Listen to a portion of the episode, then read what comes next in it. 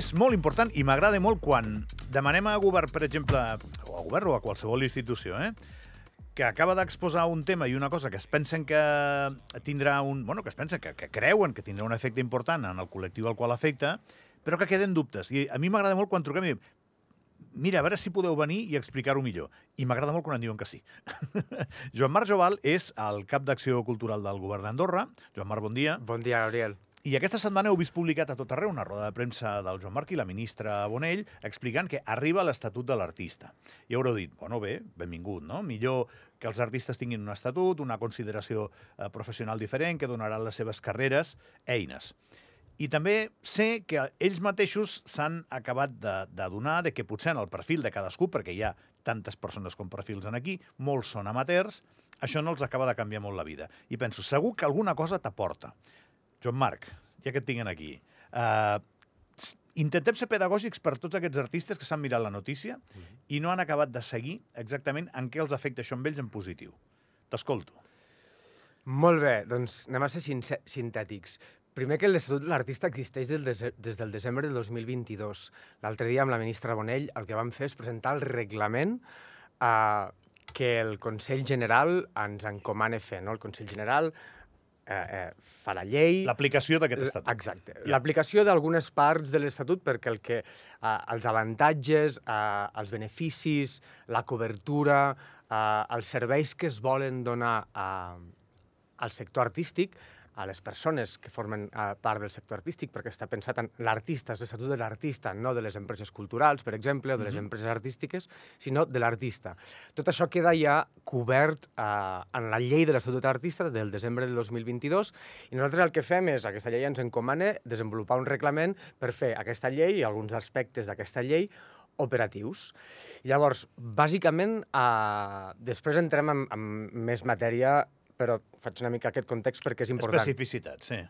Uh, bàsicament, el reglament que nosaltres hem treballat uh, durant aquest any, uh, 2023, l'any passat, uh, el que fa és desenvolupar uh, tres aspectes bàsics de la llei de l'Estatut de l'Artista, sí? que són uh, la comissió, definir la comissió uh, que, defini, que, que donarà l'acreditació d'artista professional, o la condició d'artista professional acreditat, més ben dit, eh, fa, eh, estableix el registre d'artistes professionals i, eh, bàsicament, posa en operació aquestes coses.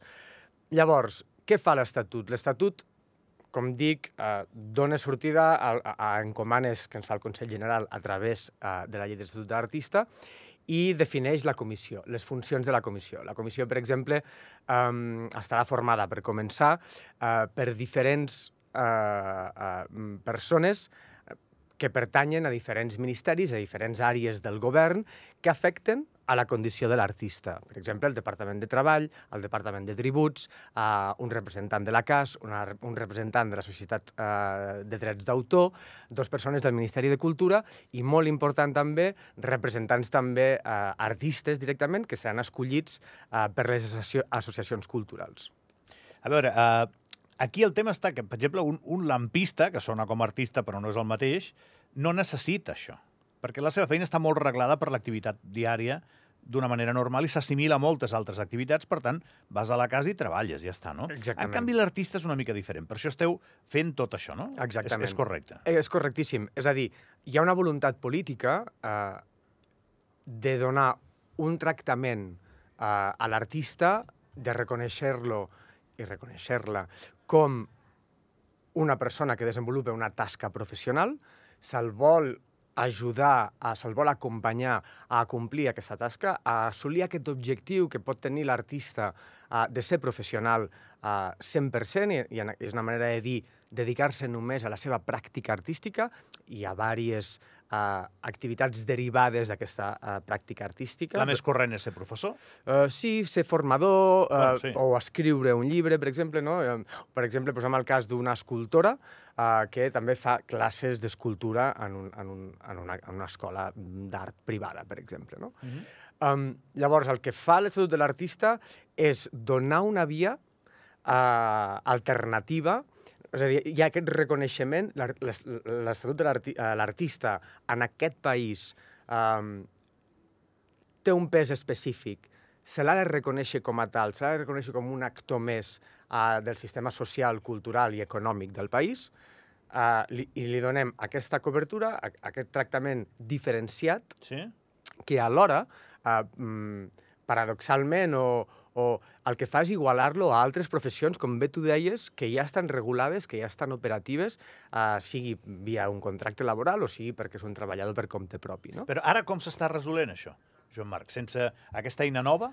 Com, com, per exemple, una persona que és artista a Andorra, com ho fa? La majoria de les persones, la majoria de les persones que són artistes i que es guanyen la vida uh, amb la seva pràctica artista uh, fan un registre de comerç amb eh, les implicacions que això té, és a dir, obren un comerç, hi ha uns epígrafs al registre de comerç que són eh, escultura eh, o arts plàstiques, escultura i pintura, eh, creació audiovisual, cinematogràfica, és a dir, obres un, un comerç, eh, et fas titular d'aquest comerç, ets un treballador per compte propi, llavors tens un determinat tipus d'obligacions tributàries, eh, pa- pagues també la taxa d'erradi- d'erradicació en una parròquia. El que fa l'Estatut de l'Artista, per exemple, un dels elements diferencials és que eh, et permet triar. Tu pots dir, jo mm, m'interessa, pel motiu que sigui, ser, o continuar tenint un comerç obert o continuar i continuar pagant l'impost d'erradicació a la parròquia i continuar pagant els, aquests tributs, o ho faig via uh, l'Estatut de l'Artista i per fer-ho has de complir, hi ha dos vies per ser considerat artista professional acreditat, ja les explicaré perquè penso que és important,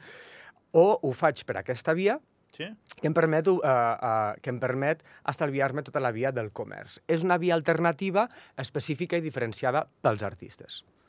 Val, aquí el tema està que quan jo t'he dit lampista he pensat en un parent meu que és lampista i és músic professional. Uh -huh. Ai, professional. Músic bastant bo, però no professional, perquè és lampista.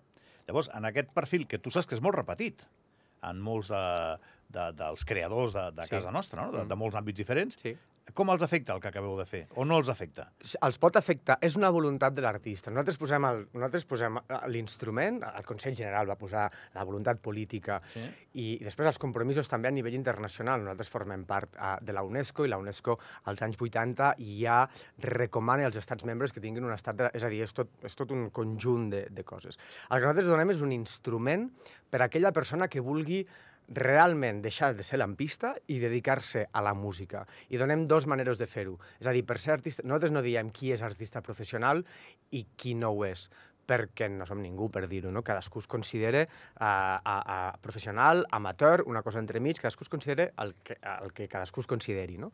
Nosaltres el que fem és uh, donar aquest recurs i per accedir a ser a, a artista professional acreditat, a aquesta acreditació hi ha dues vies.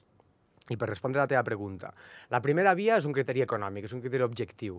Per ser acreditat, um, llavors aquí els artistes han de veure si aqu compleixen aquest criteri que és um, arribar al salari mínim interprofessional 1.376 són ara, Exactament, 1.376 euros a, a, aquest 2024. Arribar a aquest salari mínim eh, professional et permet obtenir l'acreditació per part de la comissió eh, que, que, que atorga les, les eh, acreditacions? Sí? Uh, I a partir d'aquest moment, tu uh, vas directament a la CAS com a artista i fas tots els tràmits amb la CAS. Tu ets un treballador per compte propi, arribes a aquest salari i el que et permet això, com estableix la llei, és beneficiar-te de, tots els, uh, de tots els beneficis que otorga, uh, tota la cobertura que otorga tant la llei de l'Estatut de l'Artista com la llei per, uh, de, del treballador per compte propi, com, com, el, com el règim laboral, no? Les baixes de paternitat, de maternitat, uh, les baixes per malaltia, tot això. És, aquest és el primer criteri el criteri econòmic. Després hi ha una altra manera, i aquí és on el teu uh, parent, lampista i músic s'ho pot començar a pensar, que és, ok, tu ara, és a dir, per ser Um, Perquè la pregunta va perquè si no igual no s'ho pensa, saps? O sigui, si no trobo un benefici, ara haureu fet una feina molt malaguanyada, Joan Marc. Clar, no, no, no. si jo- no s'apunta ningú, això no serveix per gaire cosa. Exacte. Però ara t'explico l'altre mecanisme. Sí? És a dir, si tu no arribes a, als 1.376 euros aquests pels quals tu reps l'acreditació i et beneficies de tot el que explicava abans, Uh, hem creat una altra manera, que ja ho creava la llei, nosaltres només ho hem desenvolupat i, ho hem, i ho hem, li hem donat forma operativa. Eh? La llei ja, ja, ja ho contemplava. Que és la, la possibilitat de fer-ho, de ser acreditat amb un projecte de professionalització. I això què vol dir? Que tu has de presentar un projecte a la comissió, um, un projecte a cinc anys vista en els quals a, aquest artista ha d'explicar quin, quines, quines són les accions que emprendrà, quines són uh, els objectius que té a cinc anys vista, quins són uh, tant objectius professionals um, relacionats amb la seva pràctica artística com econòmics. Llavors, expliques a, a que en cinc anys quina és la, la teva planificació i ha de ser un projecte rigorós i un projecte Més o menys sòlid. Exacte, sòlid, perquè la comissió l'avaluarà i, insisteixo, en aquesta comissió també hi haurà artistes implicats que també faran l'avaluació i, veure, i veuran si això és realista o no és realista. I tu, amb aquests cinc anys, uh, ets acreditat, per tant, beneficies, encara que no arribis al salari mínim, però tu tens uh, l'estatut d'acreditat, d'acord? I llavors, durant aquests cinc anys, tu pots, eh, pots dedicar-te, perquè tens tota la cobertura de la CAS, a la teva pràctica artística, uh, per intentar arribar a ser un, un acreditat per la via, uh, per, per, a, a partir del primer criteri. Següent pregunta i següent exemple. Hi ha un grup que fa versions i les fa molt bé i el contractem per fer un bolo. Sí, I sovint és un problema pagar-los per molta gent. A nivell comptable, sí, perquè no tenen empresa. Sí. Això passa. Això passa, sí. Eh, com els ajuda, això que tu m'estàs dient? O no els pot ajudar? És que la- l'estatut de l'artista um, està pensat per la persona. I ja ens hem trobat amb moltes preguntes similars o molta gent que diu clar, i ara amb l'estatut de l'artista què podré fer amb la meva empresa? Què podré fer amb el meu grup? Què... po-" No, l'estatut de l'artista, com, com el seu nom indica, uh, està pensat per la persona, per la persona física.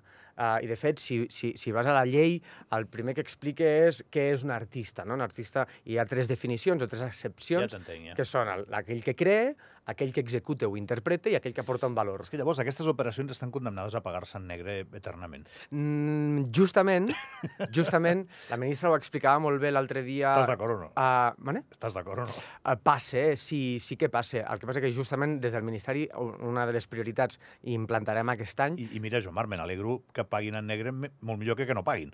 Home, sens dubte. Sí, sí, perquè allò de... A més, és una cosa com molt antiga, no? Allò de que als artistes no cal pagar-los o se'ls hi pot donar uh, el sopar No sé i... si és tan antiga. Uh, bueno, nosaltres estem treballant perquè, perquè, perquè passi de moda, en qualsevol cas. I, i, i farem una campanya específica, aprofitant uh, el, que, que, que hem aprovat, hem treballat i hem aprovat el reglament de la llei, um, una campanya específica per fer la promoció que hi ha un codi laboral que també afecta els artistes, hi ha unes regulacions que també afecten els, els artistes. Per això et deia que és tan important donar, do- dotar d'un estatut polític no simbòlic, sinó real, no?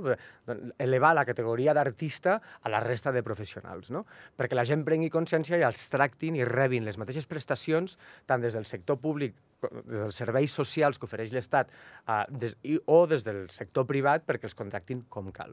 Tu que tens un munt d'amics artistes, des que has presentat això, Sí? quin feedback has tingut? Uh, el feedback és que hem de fer pedagogia. Eh que sí? Per sí, això ho hem d'explicar. això t'he convidat. Sí, sí, per això jo sí que he encantat sempre de venir a explicar, i sobretot aquestes coses que són més complexes, no? Uh, L'hem d'explicar bé perquè la, els artistes la- o la gent que té empreses artístiques o culturals um, tenen la impressió que quan treballes els hi, sonarà, els hi solucionaràs la vida de cop, no? Perdó. I l'Estatut de l'Artista és, tant la llei com el reglament, uh, uh, és un instrument més de tots els que estem posant en pràctica al Ministeri uh, per donar suport. No? Aquí estem parlant de la cobertura sanitària, dels drets uh, socials uh, mínims que, dels quals tots uh, gaudim quan som uh, treballadors per compte aliè, quan treballem per algú, uh, tant al sector públic com al sector privat, o aquells que ja són treballadors per compte propi, doncs ara els artistes gaudeixen de les mateixes prestacions que els, els artistes professionals acreditats eh, gaudeixen de les mateixes prestacions que la resta de treballadors. Que això abans eh, quedava en una zona grisa, una mica perillosa, i precisament eh, exactament com ho formulaves tu, no? perquè a vegades mm, se'ls contracta així, amb una... ara farem una campanya aprofitant aquesta plataforma i aquesta oportunitat que ens dona l'Estatut, eh, orientada a la gent que fa contractacions aquí a Andorra perquè les facin com cal, perquè eh, eh, contractin tenint en compte el reglament laboral eh, i totes les lleis eh, que protegeixen les persones que treballen. No? Joan Marc, no vull que et quedis curt. Mm -hmm. T'he convidat, t'ho dic perquè t'has quedat molt curt de, T'has deixat una cosa molt important per dir-me? Uh, jo penso que hem fet el vale, no, tom, per, sí. Perquè si, per si no, t'acomiado ja, i si no, estic disposat a, a invertir més temps en això, perquè jo no vull que vinguis sí. i ens quedem sense una cosa molt important a dir. Mm. Jo crec que més o menys la gent ha entès per què serveix això sí. i, i que tindrà una aplicació, ja t'ho dic ara, que es veurà amb el temps. Exacte. Hi ha una és, cosa és important, un col·lectiu sí irregular... Eh, molt heterogeni, exacte. Molt heterogeni. Exacte. I llavors, hi ha una cosa molt important que nosaltres ara hem, posat, hem posat la, la base com teòrica, no? la llei es desenvolupa amb una gran participació i amb una gran eh, uh, uh, interlocució amb el sector artístic. Eh? Sí. És a dir, la llei ve molt informada de les necessitats reals. El reglament el desenvolupem també tenint en compte, òbviament, la llei, perquè és el que, el que don, don, don surt el, el reglament, però hi ha una cosa molt important. Ara tenim el marc teòric. -huh. I és un, és un principi, no? Sentem, sentem les bases, com et deia, eh, conceptuals i també operatives. Però després la comissió també servirà molt, com que, justament per aquesta heterogeneïtat de la qual parles i de la qual nosaltres tenim, tenim molta consciència, podrem, a més, a l'escala d'Andorra, que sempre ens permet eh, estudiar les coses eh, cas per cas, veurem i continuarem millorant, continuarem desplegant mesures. Una de les funcions, si us llegiu al reglament... He de plegar, Joan. Bueno, doncs, uh... No, digues, digues, digues, però molt ràpid, 20 segons, corre, corre. Que amb, amb la pràctica, amb, amb la implementació de les, del reglament i de la llei de l'Estatut, anirem veient uh, i ajustant amb altres mesures d'altres tipus a, a les necessitats dels artistes. Joan Marc Joval, cap d'àrea d'Acció Cultural al Govern d'Andorra, gràcies per venir. Eh? Gràcies a vosaltres.